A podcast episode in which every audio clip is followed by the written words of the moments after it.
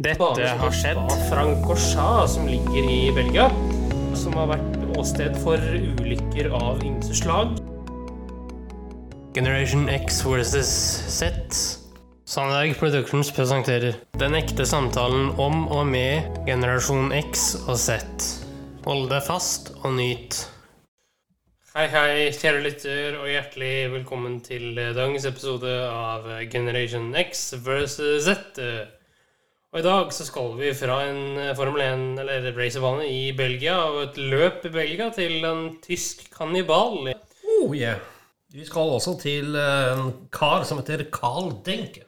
Stemmer det, og det er jo en veldig rar sak, for han uh, sylta jo bl.a. menneskekjøtt og solgte det til politiet og andre kunder. Ja, og Det som gjør han litt mer fascinerende, og fascinerende, det er at han driver en veldig populær butikk, står det. Og ja. han, han spilte under søndagsgudstjenesten. Men eh, som du sier, Henrik, bak fasaden var det en, en mørk og grotesk hemmelighet. Ja, og den butikken solgte jo da selvfølgelig menneskekjøtt på glass.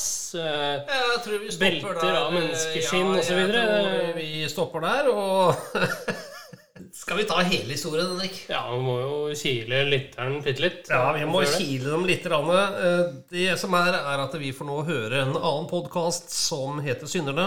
Lest av eh, Jim Fosheim og Pernille Fadeid, og skrevet av Kristoffer Kringlebotn og produsert av Anders eh, Borgersen for moderne media. Nå tror jeg vi har sagt det vi skal si, for uten å få sånn smekk på fingrene, Henrik.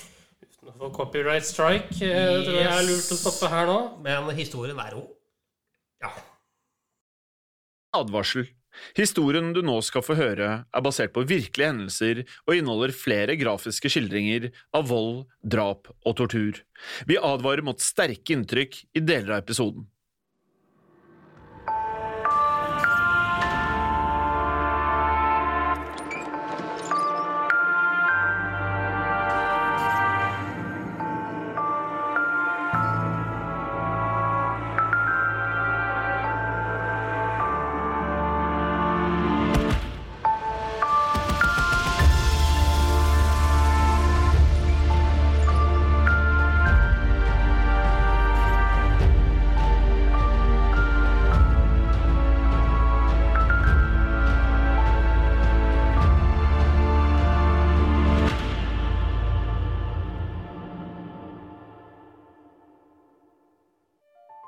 Denke ble født en kald vinterdag i 1870. Hans foreldre var tyske bønder, men Denke vokste opp i det som i dag er Polen. Det er ikke så mye man vet sikkert om hans tidligere år, men det meste tyder på at oppveksten var både trygg og god. Denke var tilsynelatende et lykkelig barn, men han var også stille og sjenert. Problemene begynte først da han begynte på skolen, for etter noen måneder ble det åpenbart at Denke ikke passet inn. Han klarte ikke å følge med i undervisningen, og fikk heller ikke mange venner. Denke var i utgangspunktet en oppvakt gutt, og læreren likte ham godt. Likevel ble det en strevsom tid for den unge gutten. Han ønsket aldri å sitte bak en skolebenk, og hadde allerede planen klar. Han elsket natur, og han elsket dyr, og drømte om å en dag bli en bonde, slik som sin far. På bakgrunn av dette droppet han ut av skolen som tolvåring. Dette var helt og holdent hans egen beslutning, da han visste at foreldrene aldri ville ha godtatt denne avgjørelsen. Mangelen på forståelse fra foreldrene gjorde at han valgte å rømme hjemmefra. Han var aldri sint på foreldrene når han skjønte at han ikke kunne bli værende hvis han skulle følge drømmen sin. Dermed dro Carl Denke ut i verden og begynte å lete etter arbeid. Det var ikke lett for en ung gutt uten noen utdanning å finne noen som ville ansette ham. Fortvilet banket Denke på dør etter dør og spurte om noen hadde behov for arbeidskraft. Han måtte tåle utallige avslag. Likevel ga han ikke opp. Han var fast bestemt på å finne en måte å tjene til livets opphold. Til slutt fant Denke noen som ville ansette han. Han kom til en gård som også hadde et lite gartneri. Etter litt overtalelse ble han ansatt som gartnerlærling.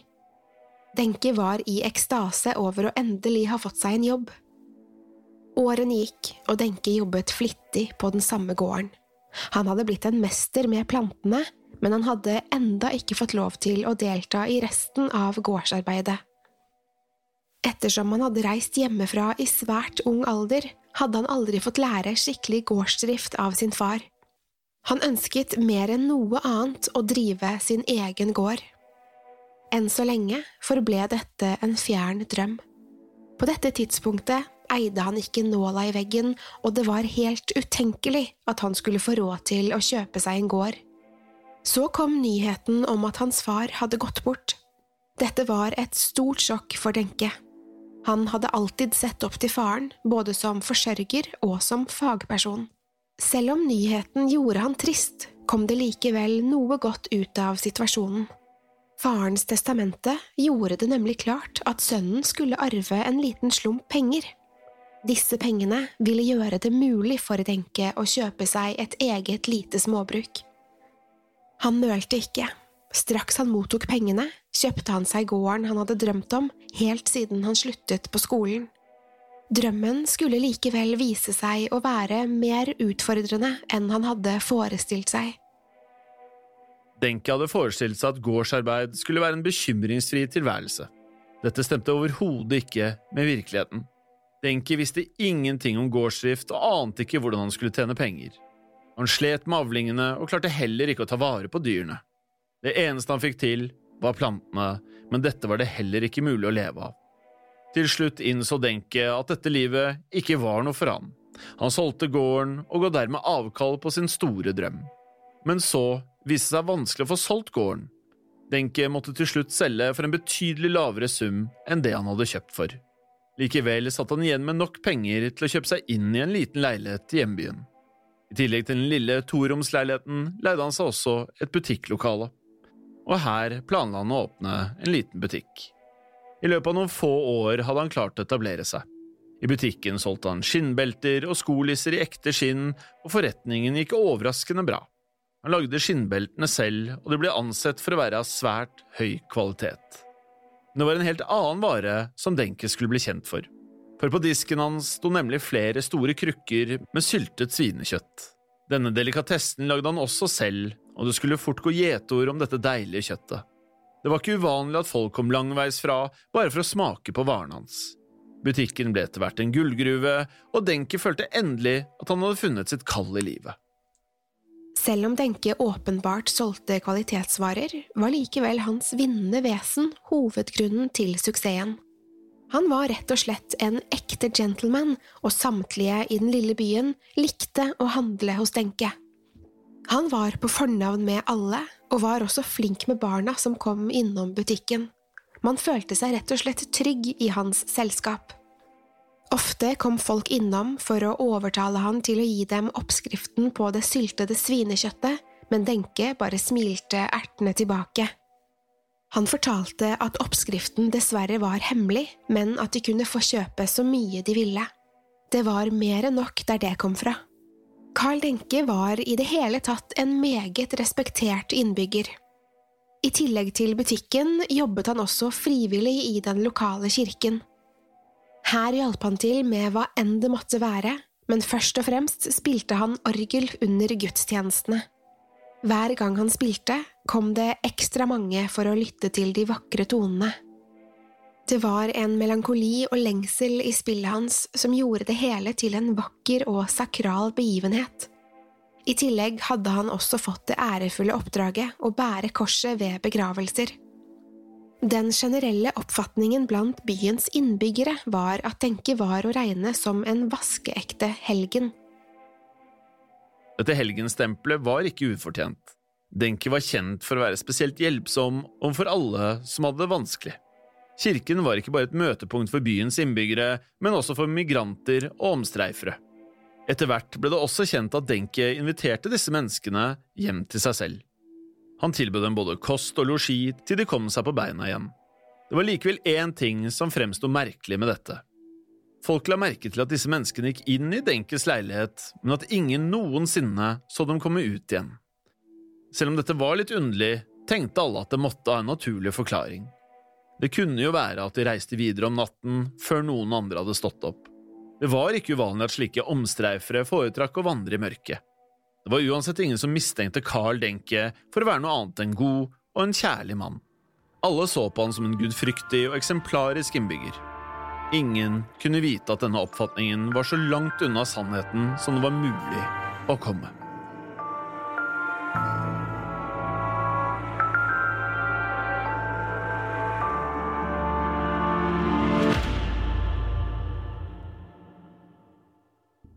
Denke hadde en hemmelighet. Han var på ingen måte noen helgen. Sannheten var at Denke var en kaldblodig morder. Allerede i 1903 hadde Carl Denke tatt liv av sitt første offer. Hun var en ung kvinne ved navn Ida Launer. Denke hadde støtt på henne helt tilfeldig og kjente umiddelbart en voldsom trang til å ta livet av henne. Denke så ikke noe galt i dette. Han betraktet mennesker på samme måte som dyr. De var en forbruksvare. De var bare kjøtt og skinn som bare ventet på å bli tatt i bruk. Han var likevel overrasket over at han ikke kjente noen som helst anger etter drapet på Ida. Tross alt visste han at det han hadde gjort, var galt. På dette tidspunktet var Denke 33 år gammel og hadde ganske så nylig flyttet tilbake til hjembyen. Seks år etter det første drapet tok Denke livet av en ny kvinne. Denne gangen var offeret den 25 år gamle Emma Sander. Også denne gangen ble han overrasket over hvor lett det var å ta livet av et annet menneske. Denne gangen bestemte han seg også for å bruke den døde kroppen til noe fornuftig. Selv om Denke ikke hadde rukket å lære så mye av sin far, hadde han i det minste lært seg hvordan man flådde et dyr. Han brukte denne kunnskapen til å flå den unge kvinnens kropp, før han deretter lagde belter av huden hennes. Denke kunne ikke fatte at han ikke hadde tenkt på dette før. Det var definitivt mye billigere enn å bruke skinnet fra en ku. Da han åpnet sin butikk i byen, var den første verdenskrigen for fullt i gang. Gjennom hele krigen var det matmangel, og folks økonomi ble stadig verre. Dette påvirket også Denke. Han ble rett etter krigen nødt til å selge leiligheten sin. Leiligheten hans ble deretter gjort om til en utleieenhet som han måtte nøye seg med å leie. Selv om krigen var over, vedvarte matmangelen. Det var på dette tidspunktet at Denke fikk en briljant, men grotesk idé. Denki visste at det ville være flere fordeler hvis han kunne begynne å selge kjøtt i den lille butikken sin. Han visste også hvor han kunne få tak i dette kjøttet. Han husket hvordan han brukte huden til Emma til å lage skinnbelter. Denke kom raskt i kontakt med noen ulykkelige sjeler som oppsøkte den lokale kirken for hjelp. Han tilbød dem så å tilbringe natten i sitt hjem, og nesten alle takket ja til dette tilbudet. Denke tok så med seg én etter én hjem til leiligheten sin. Han redde opp en seng og latet som han lukket døren bak seg, men Denke forlot ikke rommet. Han ventet bare på at de skulle snu ham ryggen. Han fant så frem en kniv, listet seg bort til offeret og skar over strupen. Blodet fosset fra halsen og ned på gulvet. Denke ventet til de sluttet å sprelle før han dro likene inn i stuen. I stuen sto det et bord hvor Denke utførte arbeidet sitt. Han løftet så liket opp på dette bordet. Dermed gikk han i gang med å flå offeret som om det hadde vært en gris. Han sløyet liket og skar av bit etter bit med kjøtt. Han var svært nøye og tok seg god tid. Denke nøt dette arbeidet og ønsket å gjøre seg flid. Han fordelte så stykkene med kjøtt, og de beste delene syltet han i store glass. Det var dette som skulle bli butikkens store suksess, det syltede svinekjøttet. Denke lot ikke en eneste del av kroppen gå til spille. Han mente, tross alt, at man skulle ha respekt for dyret. For det var nettopp dyr disse stakkars menneskene var for Denke. Av den store mangelen på mat ble butikken hans straks en av de mest populære butikkene i byen.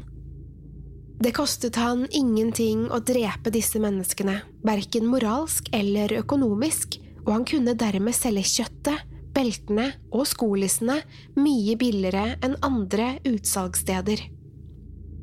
Folk var desperate etter billig mat, og tenkte derfor ikke over at varene hans var unormalt rimelige. Dessuten framsto han, tross alt, som en meget hyggelig mann. Denke tok aldri inn noen som var fra landsbyen. Han visste at det kunne lede til mistanke dersom noen fra området forsvant. Samtidig var det ingen som ville savne omstreifere. De kunne forsvinne uten at noen ville legge merke til det. Denki fortsatte å ta inn mennesker før han slaktet de, syltet kjøttet og solgte det videre i butikken sin. Alt så ut til å gå Denkes vei, men til slutt gjorde han en stor feil. Midt på natten den 21. desember 1924 kom det en mann inn på den lokale politistasjonen. Mannen slepte seg gjennom den tunge snøen og inn døren til stasjonen. Det rant blod nedover ansiktet hans, og blikket var manisk. Så fort han hadde kommet seg inn døren, kollapset han. Politibetjentene som var på vakt, fikk tilkalt en lege, og de fikk til slutt liv i mannen igjen. Mannen var en kjenning av politiet. Han var en uteligger som het Vincent Oliver. Han hadde et kraftig sår over pannen og på den ene skulderen. Da han var kommet til hektene igjen, begynte han å fortelle hva som hadde skjedd. Oliver fortalte at han hadde sittet på sitt vanlige gatehjørne og tigget etter småpenger. Plutselig hadde en mann kommet bort til ham og spurt om han ikke ville bli med hjem til ham og få litt mat. Oliver, som hadde vært skrubbsulten, hadde gjenkjent mannen som Carl Denke. Han visste at Denke var kjent for sin gjestfrihet, og ikke minst for sitt nydelig syltet svinekjøtt. Han hadde derfor takket ja til invitasjonen og blitt med ham hjem. Da han kom inn døren, kjente han en skrikende smerte i den ene skulderen. Han snudde seg rundt og fikk umiddelbart et nytt slag i pannen. Denki sto foran ham med en stor, blodig øks, og Oliver forsto at han var i livsfare. Han klarte så å dukke unna det neste hugget fra øksa. Oliver skjøv Denke fra seg og løp ut av leiligheten. Denke hadde prøvd å drepe han. Oliver fortalte alt dette til de to politimennene. Politimennene sa ingenting mens Oliver snakket, men de tenkte allikevel sitt. De trodde ikke et sekund på denne ville historien. Skulle den høyt elskede Carl Denke virkelig ha gjort noe slikt? Det kom ikke på tale, tenkte de. Dette måtte være et desperat påfunn fra Olivers side. Han måtte ha tenkt at han kunne presse Denke for penger eller noe i den duren. Likevel, hvordan hadde han fått de stygge skadene? Hadde han gjort dette mot seg selv? De tilkalte straks en lege for å undersøke sårene til Oliver. Legen undersøkte han grundig og var aldri i tvil. Sårene var fra et tungt og skarpt objekt, antageligvis en øks. Det var også lite trolig at Oliver hadde vært i stand til å gjøre dette mot seg selv. Politiet hadde derfor ikke noe valg. De var nødt til å bringe inn Denke til avhør for å komme til bunns i denne saken. Politiet dro til butikken hans, der han som vanlig sto bak disken og ekspederte kunder. Denke tittet opp da de to politimennene kom inn døren. Da de ba han om å bli med til politistasjonen, protesterte han ikke og ble frivillig med dem. Kort tid etter satt Denke inne på avhørsrommet. Han hadde fått seg en kopp kaffe som han tok små slurker av. Han virket helt rolig og fremsto ikke som en mann som nettopp hadde forsøkt å drepe et annet menneske. Likevel måtte politiet spørre. Til deres store overraskelse nektet ikke Denke for angrepet. Riktignok var han ikke klar over at mannen het Oliver. Han forklarte at han hadde kommet hjem og oppdaget at en mann hadde brutt seg inn i huset hans. Mannen hadde vært aggressiv, og Denke hadde derfor handlet i selvforsvar. Han hadde klart å få inn noen slag med øksen før mannen hadde løpt ut av leiligheten. Dette var en historie politiet kunne tro på. Denne versjonen var langt mer troverdig enn den de hadde fått servert av Oliver. Likevel, det var dramatisk å forsvare seg med en øks mot en simpel innbruddstyv. De lot Denke sitte i en celle mens de snakket seg gjennom saken. Kunne de tro på det Denke fortalte? Han var tross alt en av byen mest populære og respekterte menn. Hvorfor skulle han drepe en stakkars uteligger? Det ga absolutt ingen mening, tenkte de. Etter en times tid bestemte de seg for å la tvilen komme Denke til gode. De gikk tilbake til cellen hans med intensjon om å la han gå. Allerede utenfor celledøren innså de at det var noe som ikke stemte. Det var helt stille inne på cellen, og ingen svarte da de banket på. Da de åpnet døren, fant de Denke hengende fra et rør i taket. Øynene hans var vidåpne, og kroppen dinglet fra side til side. At Denke hadde tatt sitt eget liv, var helt uforståelig for politiet. Det måtte jo bety at han faktisk hadde angrepet Oliver. De kunne likevel ikke forstå valget. I en eventuell rettssak ville jo dette mest sannsynlig ha blitt vurdert som selvforsvar. Det var tross alt ord mot ord, og Denke ville etter alle solmerker gått seirende ut i kraft av sitt gode navn og rykte. Hva var det Denke hadde skjult som drev han til å ta sitt eget liv? Politiet hadde ikke noe valg, de måtte dra til Denkes leilighet. Kanskje ville de her få svar på noen av spørsmålene. De brøt opp døren og gikk inn i den lille leiligheten. Lyset inne i leiligheten var dunkelt, og de ble møtt av en søtlig stank. Stemningen og atmosfæren stemte overhodet ikke overens med Denkes lune fremtoning. Da de beveget seg lenger inn i leiligheten, fikk de øye på de store glassbeholderne med Denkes populære svinekjøtt. De sto pent på rekke og rad på kjøkkenbenken. Flere av politimennene hadde vært faste kunder hos Denke, og flere av dem spiste daglig det syltede svinekjøttet. Ved siden av disse beholderne lå det en stor skjærefjøl. På dette lå det fremdeles et stort stykke kjøtt. Det var åpenbart at Denke ikke hadde rukket å sylte dette stykket enda. Det hadde fått en rødlig farge, som kjøtt ofte får hvis det blir liggende ute for lenge. En av betjentene gikk enda nærmere kjøkkenbenken. Han stoppet opp før han begynte å kaste opp. De andre skjønte ikke hva som hadde skjedd, ikke før de selv gikk bort til kjøttstykket. Det rødlige kjøttet var ikke fra en gris. Det var rester av en menneskekropp. Det var ikke noe tvil for politimennene. På skjærefjølen lå det deler av en rumpe. Store biter hadde blitt kuttet av, men formen var fremdeles lett å kjenne igjen. Flere av de andre begynte også å brekke seg. De hadde lagt to og to sammen og skjønte nå at det syltede svinekjøttet slett ikke var svinekjøtt. Etter at politimennene hadde samlet seg, fortsatte de å lete gjennom leiligheten. Denne gangen var de forberedt på det aller verste. De oppdaget snart en rekke bein, innvoller og andre kroppsdeler i leiligheten. Innvollene var plassert i en stor bøtte og var åpenbart ment å kastes som avfall. På det lille kottet fant de flere meter med menneskehud som hang til tørk på veggen. Ved siden av hang det skinnbelter som var kuttet fra menneskehuden. Til sammen var det levninger fra flere titalls mennesker. I tillegg til alle kroppsdelene fant de også en rekke våpen og skarpe redskaper.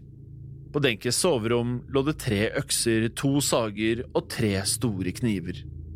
Samtlige av disse redskapene hadde spor av menneskeblod på seg. Politiet forsto nå at Denk hadde brukt disse til å drepe og partere sine ofre. Inne på soverommet hans fant de også en stor mappe som inneholdt en rekke navn. Bak alle navnene var det også skrevet en dato. Politiet forsto snart at denne datoen var dagen de hadde blitt slaktet av Denke. Det var over 40 navn på denne listen, men politiet dro kun kjensel på noen få av disse navnene. De fleste hadde antageligvis vært uteliggere og omstreifere uten noen tilknytning til byen. De kunne ikke tro det de hadde funnet. Dette må ha pågått i en årrekke. Hvordan kunne det ha skjedd uten at noen fattet mistanke? Carl Denke hadde tatt livet av alle disse menneskene rett foran nesen på dem. Bevismaterialet hadde han solgt bit for bit i sin egen butikk. Det var en skandale som politiet aldri før hadde sett maken til. Historien om Carl Denke er en historie om et grusomt menneske. I over 15 år holdt han på med sin groteske virksomhet. Det er umulig å si sikkert hvorfor ingen la merke til at noe var galt med denne mannen. Likevel er det kanskje ikke så rart. Denke framsto tross alt som et eksemplarisk menneske. Han var høflig, snill og hadde glimt i øyet. Bak denne fasaden skjulte det seg et monster. Carl Denke, vi skriver deg inn i vår bok av syndere.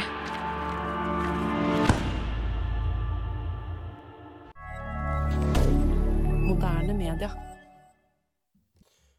Ja Oi, oi, oi. Oi, oi, oi, Henrik. Det var jo en kannibal i sitt rette element. Ja, ikke at han spiser kjøtt, da, men han eh, solgte jo og parterte og det som var her. Skal vi ha kjøttkaker i dag, guttene? Å, fy av meg. Jeg bare håpe at det vi kjenner Henrik, ikke har noe sånn ja, mørke, mørk bakgrunn. Ja, ja. ja, altså man vet aldri, da. Kan jo ikke stole på hverandre heller. Ja, men har vi noe valg, egentlig? Nei, Jeg føler behov egentlig for en form for en eh, balanse her. det skal du få. Takk, takk.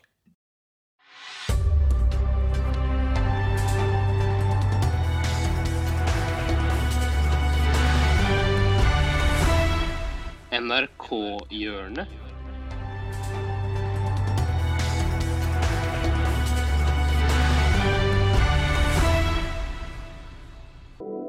Ja, vi skal til parodiens verden i dag. Det er godt å høre, Henrik. Hele Norge sine favorittvillinger Martin og Morten gjør stor suksess med den sukkersøte popen sin. Tenåringsjenter over hele landet går av eh, skaftet, og etter utsolgte konserter og streamingrekorder er det mange som kniver om å få en bete av de talentfulle tvillingene. Altså, jeg er så De guttene er de beste som fins. Martin og Morten, dere er jo bare 13 år. Blir dere aldri slitne av superstjernelivet? Jo, man kan jo bli det. Nå skal vi ha en lang velfortjent sommerferie. Så vi kjører på til høsten igjen. Ja, det blir superdigg med sommerferie. ass. De har hatt en lang ferie nå, tvillingene. Så det har jo, noe har jo uh, Så i løpet av en ferie så uh, Ja, ikke tenk på det! OK, Martin! Hallo, hei! fatter'n!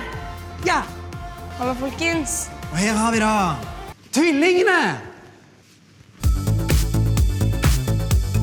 Nei, det har ikke skjedd så veldig mye. egentlig. Vi har bare leksa helt og duna på svaberg og kjørt vannscooter i skikkelig høy fart. og sånne ting. Jo, En ting har faktisk skjedd, eh, og det er at eh, jeg har fått reggis i underkjeven. Så det er jo litt sånn, eh, Jeg håper ikke at jentene tenker at jeg er blitt styggere enn deg nå. Det er det fra før. Ja, Det er jeg som er penest, da. Ja. Særlig, særlig. Ja. Alle jentene vi har med da. Hvor mange er det som snapper deg, egentlig? Ja, 100 000 hver dag. Ja, Morten har jo uh, vokst litt. Fått en liten uh, tjuvstart på Martin. Helt like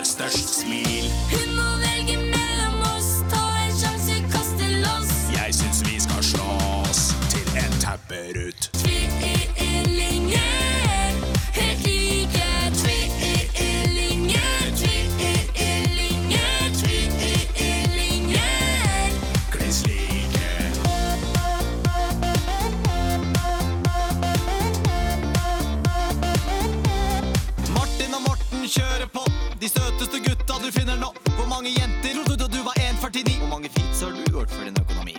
Ding dong dong, vi drar til Syden. Ta med Martin og Morten og mister Dyden. Hva betyr det? Jeg bare tuller, mann. Hvem er han? Vi lurer ofte pappaen vår, lurte læreren vår i går. Og vi lurer den som står under boksen går. Morten på boks! Eller Martin. Nei, jeg ser deg, deg, Morten. Å ja, du så reguleringen, kanskje? Men hvis du følger nøye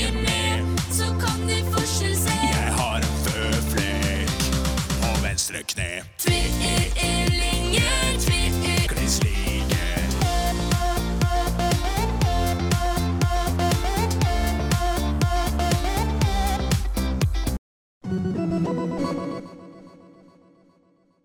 Det var en eh, kontrast, Henrik, til eh, det vi hørte først. Ja, det er en ganske bra kontrast. da, det. Ja da. Ja, Kan ikke du si litt om hva vi skal ha neste gang? Du, vet du hva, det er faktisk glemt sånn i, i farta. Har du, Husker du det?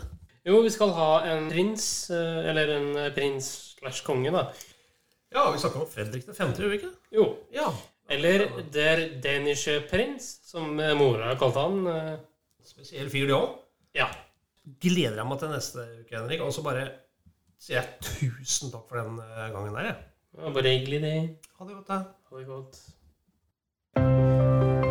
Tusen takk for at du fulgte oss. Eh, Gi gjerne tilbakemelding, likes eller kommentar på Facebook-siden vår Generation X versus Z.